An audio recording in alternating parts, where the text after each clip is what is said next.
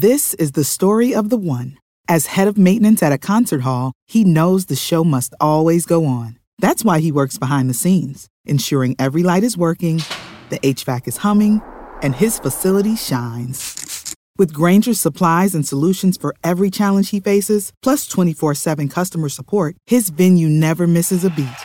Call quickgranger.com or just stop by. Granger, for the ones who get it done.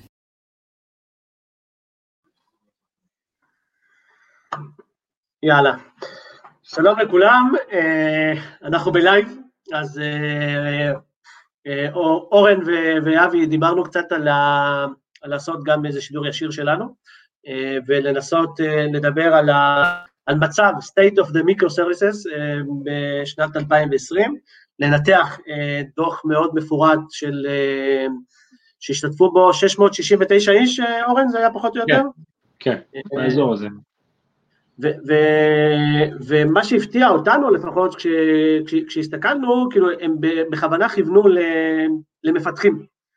ו, ויש הרבה מאוד תובנות אה, אה, מעניינות, אה, שאני אשמח ככה ש, שנדבר עליהן, ואולי אורן תיתן ככה איזה פתיח קצר, אה, איך אתה רואה את, ה, את העולם הזה של, ה, של ה microservices בראייה שלך, בסדר? ואחרי זה כבר נצלול לדברים האחרים.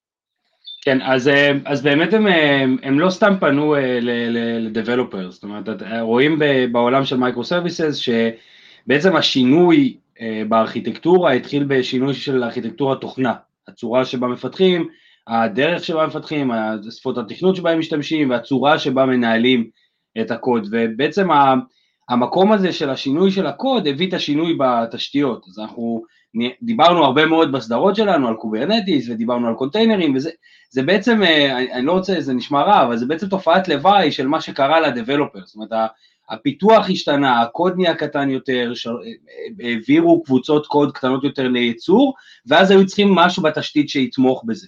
אה, וזה, ולכן גם זו הקהילה שבאמת צריך לשאול אותה מה יהיה הדבר הבא ולאן הולכים הלאה ומה יהיה, כאילו אנחנו נראה את זה גם לאורך המגמות בדוח, אה, מה הדבר הבא ולאן אה, פנינו הולכות בשנה, שנתיים, שלוש הקרובות.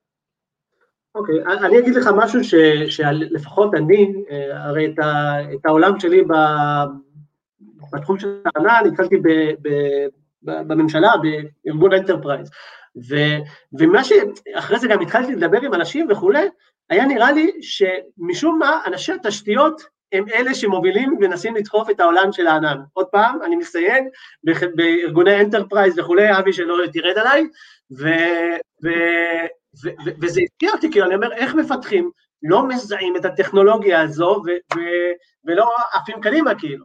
אז... אה, אז, אז אגב, זה, זה, זה, זה נקודה מעניינת, כי הדוח גם, ואנחנו נעבור עליו, הוא יותר פונה לחברות שהן SMBs, שהן small medium business, הן לא enterprise. אה, ושם גם המבנה הארגוני שונה, גם צורת החשיבה היא שונה, וגם הדרך שבה הטכנולוגיה השתנתה היא שונה. זאת אומרת, אם אתה אומר שבארגון enterprise מי שמשך יותר לטכנולוגיות ענן נקרא לזה, אה, זה התשתיות, אז אתה רואה שבארגונים יותר קטנים הפיתוח הוא בהחלט זה שנותן את הטון, וזה שבעצם מחליט. אגב, יש גם הבדל בין Cloud Services ל-Cloud Native Services, יש הבדל בין, בין הארכיטקטורות ובין השירותים. אה, ושלא נתבלבל בזה, כי כל מה שאנחנו מדברים עליו זה Cloud Native Services, זה Micro Services, זה ארכיטקטורת פיתוח שונה. אה, אני מבין אגב למה הרבה מאוד מעולמות התשתית כן דחפו ל-Cloud Services, דחפו לשירותים ציבוריים, כי זה יותר קל, כי זה יותר נגיש, כי יותר, אה, לפעמים זה גם יותר משתלם, אז זה ברור למה לפעמים תשתיות הולכים לשם. אוקיי.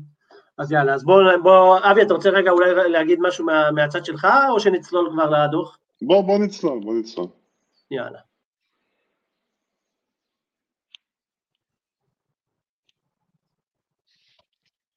אוקיי. אז אה, קודם כל כמה, אה, כמה אנשים אה, ענו לסקר, מעל 650 אנשים, אתם רואים את הפריסה, פריסה בכל העולם, כמובן שרוב האנשים הם או מצפון אירופה או מצפון אמריקה, אבל זה כמות מספקת של אנשים ואנשי פיתוח אה, שאפשר להבין ממנה משהו. אה, דבר ראשון זה הקהל יעד של אותו סקר, אז אותו סקר באמת פנה, כמו שאמרתי, קהילת הפיתוח, mostly developers ו-SMB companies. אם תסתכלו מצד ימין, החברות הן מקסימום 500 עובדים, אין הרבה שהם מעבר לזה, 500 עובדים זה לא ארגון enterprise גדול. אם נדבר קצת על, ה... על הניסיון ב microservices או על כמות הזמן שהם, שאותם ארגונים עובדים עם microservices, ושוב מדובר בארגונים יחסית קטנים, אתם רואים שיש הרבה מאוד ארגונים שעובדים מעל שנה, מעל שלוש שנים, זאת אומרת רוב הארגונים עובדים מעל שנה, יש כאלה שאפילו מעל שלוש, אז זה משהו שאפשר באמת להבין ממנו גם את הבשלות של הטכנולוגיה בארגונים, בעולמות ה production, בעולמות של ייצור. אתם רואים גם משהו יותר, יותר טוב מזה, אתם רואים מה רמת שביעות הרצון. ורמת שביעות הרצון מ-setting up new project, מיצירה של פרויקט חדש ועבודה עם פרויקט חדש, היא שביעות רצון מאוד מאוד גבוהה, ומצד שני אתם רואים שיש למטה בגרף התחתון מצד ימין, אתם רואים שיש איזושהי בעיה עם operations, כאילו יש 32 אחוז שאמרו שהם באופן ממוצע שבעי רצון מיכולת ה maintenance וה debugging, זאת אומרת, וזה משהו שאנחנו רואים ב cloud native הרבה, יש הרבה מאוד leveraging של, אותו, של אותה ארכיטקטורה לפיתוח ולדחוף קוד יותר מהר לייצור, להביא באמת business value, אבל מצד שני מאוד קשה לנהל את האופרציה, להעביר את הקוד לייצור, לנטר, לנתח ולטפל. אתה חושב, אורן, אתה חושב שאולי הבעיה, בסדר, בחוסר שביעות רצון, שברגע שמפתח בא ומתעסק עם העולם התשתיות, זה אולי החוסר בשלות אולי שלהם בניהול התשתיות? אני, אני חושב שנגעת בנקודה מאוד מאוד טובה. אני חושב שמצד אחד Developers, ואתה ראית את זה בכלל בעולם של Cloud Native, רצו הרבה מאוד חופש פעולה, הם רצו להתנתק בעצם מהכבלים של מישהו שעומד בשרשרת בינם לבין להריץ את, את הקוד הזה בייצור. והם רצו את ה... אתה יודע, זה חלק מהסלף סרוויס של הענן, של, ה, של, של בכלל, של, של צורת העבודה שלהם. ומצד שני, ברגע שהם קיבלו את חופשת, חופש הפעולה הזה באזור של microservices ובאזור של נגיד Kubernetes, הם הבינו שהם לא ממש רוצים להתעסק עם זה, הם לא, הם לא רוצים את, את, את, את העולם התשתיתי, יש מישהו שזה העבודה שלו, יש מישהו שזה האחריות שלו, הם רוצים עדיין מישהו אחר בתוך התהליך, אז אתה ראית מין כזה, כמו כל דבר ב-IT, ראית מין כאלה גלים, ראית גל של developers שמנהלים את כל התהליך, ואז ראית מין כל מיני טכנולוגיות שבאות ועושות את ה decoupling בין הקוד לבין טכנולוגיית התשתית. נגיד service mesh זה דוגמה מצוינת.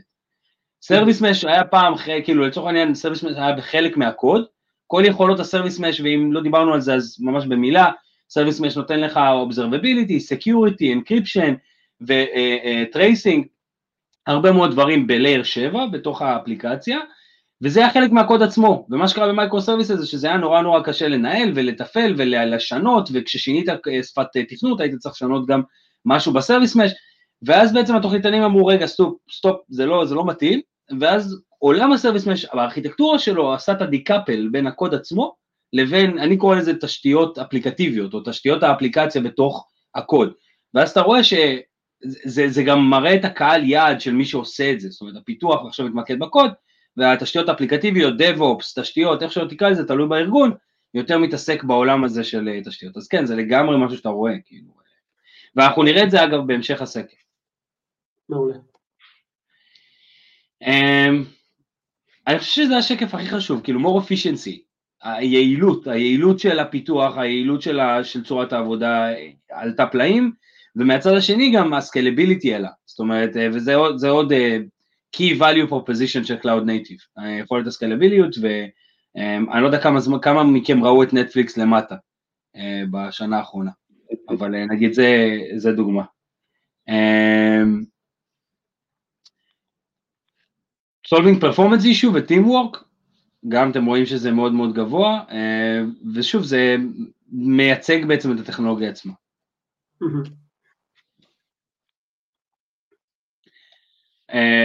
זה מעניין פה. כן. אבי, אתה רוצה להתייחס קצת לקוד? אה, כן, הרוב זה כנראה Node.js. או Java. אה, אחר כך יש לנו, אם אני לא טועה, .NET אה, ו Python. כן. אני, עבדתי בארגון, המקום העבודה הקודם שלי היה ארגון שכולו היה Node.js והכל היה Python, הכל היה קונטיינרים, אמ, וגם ב scale, גם בזה Node זה כאילו שפה מעולה ל scale גבוה, אמ, זה אחת הסיבות שכמעט כולם עובדים איתה, היום כבר עוברים לאט לאט ל Go, אבל אז Node היה השפה המובילה.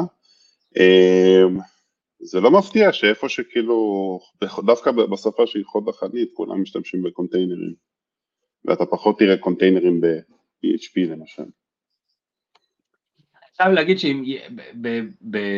שבניגוד מוחלט למה שאמרת עכשיו, אני, אני רואה עדיין לקוחות שמנסים להכניס .NET Framework ל Windows Containers, זה כאילו anti-pattern מוחלט uh, ל cloud native, um, אבל אנשים מחפשים את ה hybrid, מחפשים את היכולת להריץ אה, אפליקציה שהיא היברידית, חלק עם קוד מיושן או קוד שהם לא יכולים לשנות, יחד עם קוד חדש תחת אותה מעטפת תפעולית, כדי לקבל את ה scalability, resiliency, כל שאר הדברים. אה, אני, עם כל לקוח כזה שאני מדבר איתו, אני אומר לו, אל, אל תעשה, אל, אבל, אה, אבל לפעמים אה, אין ברירה. אז זה משהו שצריך לחשוב עליו גם בתוך עולם הזה של microservices ושפות התכנון. ברגע שאמרת Windows Container זה כבר, נכון. לצערי, כן, הרף יורד ברגע שמדברים על קונטיינרים ב Windows, כי... עזוב, זו שיחה לפעם אחרת. נכון, מסכים, אולי נעשה על זה פרק. אולי, אולי באמת. אמ, אני רק, היה, היה מצחיק, כי אה, עשינו, אה, עשיתי, אני עושה פודקאסט גם בספרד, והמשפט שאמר אבי על אה, להריץ קונטיינרים על, על Windows, עורר פחות או יותר את הזה, בואו נשאיר את זה לפרק אחר, אז כן, נשאיר אותו לפרק אנחנו מתישהו נצטרך אבל להגיע לפרק הזה, מתישהו נצטרך לדבר על זה. דצמבר 2030 נשמע לי תאריך יעד מעולה. אולי יפסיקו להשתמש בווינדוס עד אז. לא, לא כל כך מהר, אבל אלוהים יודע מה יהיה בסוף. אה, יאללה, זה שקף גם. חלק מאותו מדגם מייצג, באמת אמרנו שזה חברות קטנות, מה שעושה שכל בלראות ש-50% מה-workload יושבים בענן, אה, כולם ב-AWS, וכל השאר מתפזרים. מה שאותי הפתיע אה, זה ש-34% אמרו שזה יושב על שרתים שלהם. החברות קטנות בדרך כלל born to the cloud, חיים בענן, אה, בטח לא נמצאים עם שרתים שלהם, ועדיין רואים פה איזשהו משהו, אה, אגב, עוד פעם, אני לא יודע את מה זה מייצג, אם זה מייצג שרתים שלהם ב data center שלהם, או שזה מייצג שרתים שלהם בענן כ IaaS, אבל עדיין זה אומר שהם היו צריכים את מוטת השליטה, הם חיפשו את מוטת השליטה, אה, והם נשארו עם משהו שהוא סרבר שלהם. יכול להיות אגב שזה מוצרי... סליחה אבי, כן? אני אומר, יכול להיות שזה מוצרי אה, סייבר למיניהם, או מוצרים שפועלים לבנקים, או רגולציה שמחייבת להיות באופן מקומי, אז מלכתחילה, אה, אחות של חבר היא מגייסת, אז היא סיפרה לי כל מיני דברים, היא אומרת, נורא קשה לי למצוא מישהו שיודע לדבר גם VMware וגם AWS. זאת אומרת, למה שתרצי מישהו כזה? היא אומרת לי, יש לנו מוצר שרץ אה, אצל לקוחות, אז 80% מהלקוחות זה לקוחות און פרם, אנחנו חייבים לתמוך בהם ב-VMware. ומצד שני 20% מהלקוחות זה לקוחות אה, AWS או גוגל, אג'ור וכן הלאה, אז, אז הסביבה צריכה להיות היברידית, אז פתאום יש לך VMware שזה vCenter ו-API והכל שונה לגמרי כאילו מ-AWS, אז יכול להיות ש, שלזה הסקר הזה עונה, אני לא יודע להגיד לך. אני גם חושב שיש יש חשש מסוים, לא יודע אם אגב נכון או לא נכון, אבל כן לבוא ולאמץ את, ה, את השירותים המנוהלים של הספקיות. אה, לא יודע אם זה עניין של בשלות או שיצאו קצת מאוחר, אני חושב שכן עדיין אה, קיים, אה, קיים חשש כלשהו, עוד פעם, לא נכנס לזה שמוצדק או לא מוצדק, אבל אני חושב שמשם גם נובע את הרצון הזה, מצד אחד גם אנשים רוצים ללמוד, אז יותר קל לבוא ועוד פעם אפשר אצלך ב-on premise או ב-IaaS בענן, ומצד שני גם, עוד פעם, כמו שאמרתי, החשש הזה של לבוא ו, ו, ולהתנסות במשהו שהוא היה אולי אה, אה, לא, לא מספיק ב, ב, ב, באוויר לפני שמתנסים איתו. אני חושב שאלה שתי הנקודות שאולי יכולים לתמוך, ו, ואמרנו לעצמנו שנבוא ונשאל אותם, אגב, אה, נשלח להם אה, שאילתה לגבי מה זה באמת אומר מה יום סרוויס, כי זו נקודה באמת חשובה. כן, אז, אה, אז כן, אז צריך באמת אולי אה, לשאול שאילתה על ה-35% האלה. אמ, מצד שני, אבל אתה רואה עדיין ש-50% כן עושים AWS. אתה רואה שזה המון המון חברות שעושות on cloud cloud native, וגם, וזה גם, ישר יש את הקורלציה לגרף מצד ימין למעלה, שמראה של כמה, כמה משתמשים ב serverless, ובמה משתמשים ב serverless. אז אתה רואה שלמטה מצד שמאל אתה רואה ש-50% משתמשים ב serverless architecture, ב-some kind of uh, function as a service, ומצד ימין למעלה אתה רואה שיש 60% שעושים את זה עם Lambda, 60% עושים את זה עם AWS. אז נגיד ה-50% שאתה רואה שמשתמשים ב-AWS, כנראה עושים את זה ב serverless, כנראה עושים את זה עם Lambda.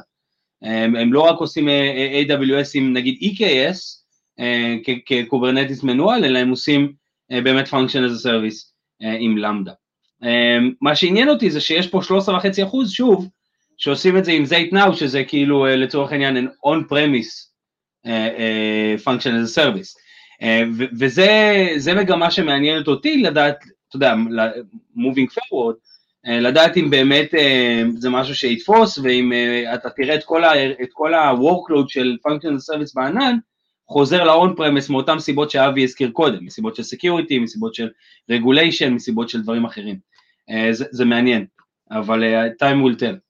אני, חושב שזה עוד, עוד פעם, גם, גם יחסית ב, ב, בישראל, אני חושב שבניגוד אולי, אתה גם מסתובב הרבה, מדבר עם הרבה אנשים בעולם, אורן, ה enterprise שלנו עדיין לא שם, לא, לא בעולם של הענן, אה, בטח לא בצורה אה, אה, כמותית רצינית, ו, ואני חושב שגם חלק ממה שרצינו לעשות את, ה, את המפגש הזה, זה כדי לבוא ולראות, אוקיי, חבר'ה, בואו תראו מה קורה, לא חייבים לעשות את זה ישר בענן, יש אפשרויות לעשות את זה ב-on premise, להתחיל בעולם הזה של, uh, בתיאוריה של Cloud Native או, או, או Kubernetes יותר ב, כבר עכשיו ב-on premise שלכם, בטח שעם הכניסה של הריג'ונים uh, יהיה עוד פה יותר uh, ארגונים שיזוזו, אז שוב, זה היה באמת לבוא ולשקף דברים שקורים, ו, ו, וחייבים להתחיל, כי אם לא נתחיל אז, אז זה לא יקרה.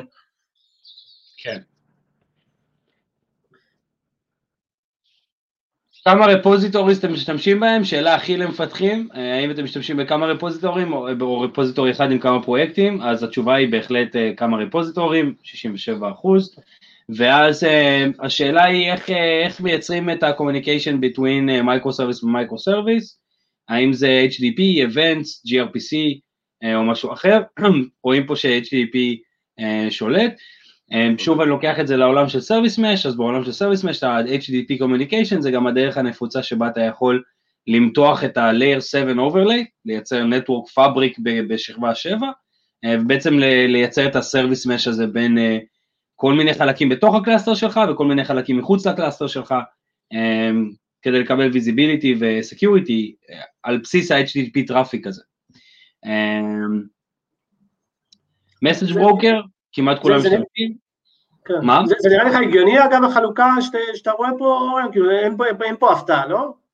לא, זה, זה סטנדרטי, זה מאוד מייצג שוב את הטכנולוגיה ואת הארכיטקטורה. אה, אגב, הכל פה מייצג את הטכנולוגיה ואת הארכיטקטורה, אז אתה רואה גם שהרוב משתמשים במסאג' ברוקר, הרוב משתמשים ב-RabbitMQ, אה, למרות שמיד אה, אחר כך אתה רואה את קפקא, אבל, אבל זה הטכנולוגיות הנפוצות. אה, ואתה רואה גם שה authorization מתבצע ב-API Gateway, שזה גם מראה מגמה של יותר, שימוש יותר ויותר ב-API Gateways כמנוע מרכזי בתוך הארכיטקטורה הזאת של microservices. אז אתה, זה לגמרי מייצג אה, אה, את העולם הזה של הארכיטקטורה של microservices. כן. טוב, כל העולם הזה בכלל של ה-API זה משהו שדיברנו אנחנו במסגרת גם פורום ארכיטקטים, ושווה שאולי גם אנחנו ניתן פה ביאללה to the cloud native איזה פרק על זה. כן, זה, זה מתחבר בטוח למה שאמרתם, אה, רואים את המגמה, היא מגמה ברורה, אה, וזה, כן, האמת שאפשר לפתוח את זה, כי שוב, יש overlay על גבי עולם, עולמות ה-API Gateway שמתחברים מאוד לעולמות ה-Service Mesh עם Micro Services. אתה יכול לראות איך Service Mesh מוסיף value לאותם API Gateways כדי להוסיף עוד יכולות וזה. זה, זה עולם שלדעתי אגב אישית בסופו של דבר ישתלב. מי שעושה היום API Gateway יעשה כנראה גם Service Mesh בעתיד, ו-Service Mesh הזה יעשו API Gateway. אבל זה דעה אישית. אה, זה מוקלט, אנחנו נבדוק אותך ימים יגידו, ימים יגידו. אה, אז ה-CI אה, Tool of Choice, GitLab. מה אתה אומר, אבי? לא, לא יודע, שיקרו בסקר הזה כנראה. דיברנו על זה בהכנה לפרק, באינטראקציה שיש לי עם אנשים, לפחות בישראל, וגם קצת בארצות הברית, אם אנחנו מסדרים את זה ברשימה, אז Jenkins ו GitHub, לא GitLab, מתחרים על המקום הראשון לדעתי, אחר כך יש לך את GitLab ואת כל השאר. לא יודע, אני כאילו מאוד מאוד ספקן, מאוד בספק, כאילו, מאוד מסתייג מהשקף הזה, אבל uh, תקשיב, אתה יודע, כאילו, יש תשובות אחרות, לא, לא תמיד אנחנו יודעים הכל, uh, אז יכול להיות שבאזורים מסוימים, עבור 600 ומשהו איש GitLab היה number 1.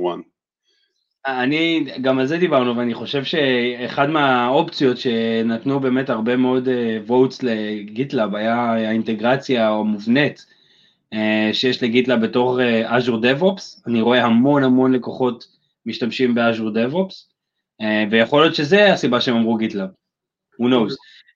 מבחינתי GitLab אגב מייצג on premise, שזה שוב כאילו יש פה איזה איזושהי ניגודיות בין שימוש בענן לבין GitLab שהוא יותר משהו שהוא secured והוא on premise והוא משהו שאתה יכול לטפל בו, לא יודע, מעניין בכל מקרה, אבל זה ה...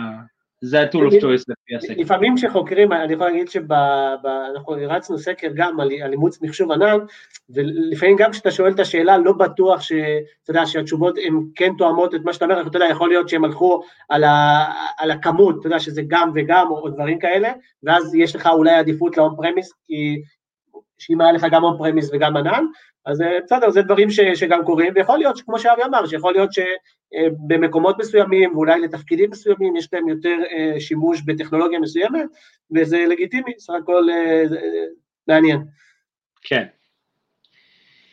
אז בעולם הניטור והאופריישנס, שאם אני מזכיר עכשיו את השקף הראשון, היה שם איזשהו gap. ראיתם שהיה בשקף הראשון שדיברנו עליו על operations ו monitoring היה איזשהו חוסר שביעות רצון או חוסר יכולת לנהל את העולם הזה, כי זה באמת אה, חלק מהמורכבות של ניהול microservices בייצור. אה, אתם רואים שרוב העבודה היא עם לוגים, זאת אומרת רוב ההבנה, התובנה לגבי מה קורה באפליקציה מתבסס על לוגים, אחרי זה רואים tracing, uh, ומה שמעניין אותי לפחות זה שאתם רואים יותר ויותר שימוש ב metrics.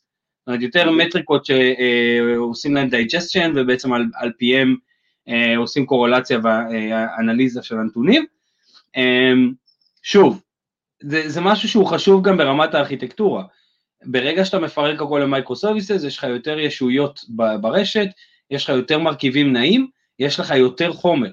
אז תחשבו על, על challenge שקיים כבר היום בארגונים בלעשות digestion לכל ה events או לכל הלוגים, תחשבו על ביג דאטה לוג אנליטי, כמה קשה להכיל את הכל במקום אחד, כמה קשה לעשות מזה שכל, כמה טכנולוגיות אתם מכירים שעושים את זה, כמו אלסטיק והרבה מאוד מוצרי מדף שעושים את זה, ו, ותחשבו כמה זה קשה כשיש לך במקום אלף אה, רכיבים ברשת, מיליון רכיבים ברשת, שזה בערך העלייה האקספוננציאלית שתהיה במשך החמש שנים הקרובות, בגלל זה הכל נהיה יותר מורכב.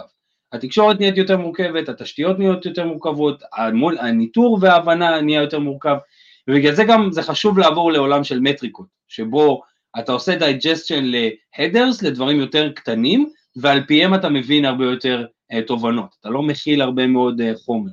Um, אז זה uh, סתם דוגמה לעוד מגמה, גם של הטכנולוגיה וגם של, uh, של הארכיטקטורה הזאת. כן. אמ, אוקיי, ועכשיו אנחנו הולכים לנווט את העתיד. כן, 85% אומרים שזה יהיה סטנדרט, אני לא יודע. אני, אני אגיד לך מה אני חושב. אמ, אני חושב שמה שאנחנו רואים בחמש שנים האחרונות עם micro uh, services, זה מה שראינו לפני 20 שנה בחמש שנים הראשונות של VMware. Um, היה שינוי אגב, VMware לא בא מה, מהחלל, נכון? VMware בא מצורך, היית צריך לפצל שרת פיזי לשרתים וירטואליים קטנים, כי הקוד השתנה, כי האפליקציה השתנתה ממיין פרם למונוליט, שהוא יותר קטן, ובמקום לשים עכשיו אפליקציה שהיא מונוליטית קטנה על שרת פיזי מאוד מאוד גדול, היית צריך תשתית שתתמוך בזה. זו אותה אבולוציה, אותה גברת, שינוי אדרת. הלכנו ממונוליט ל microservice, ועכשיו אתה צריך את התשתית שתתמוך בזה.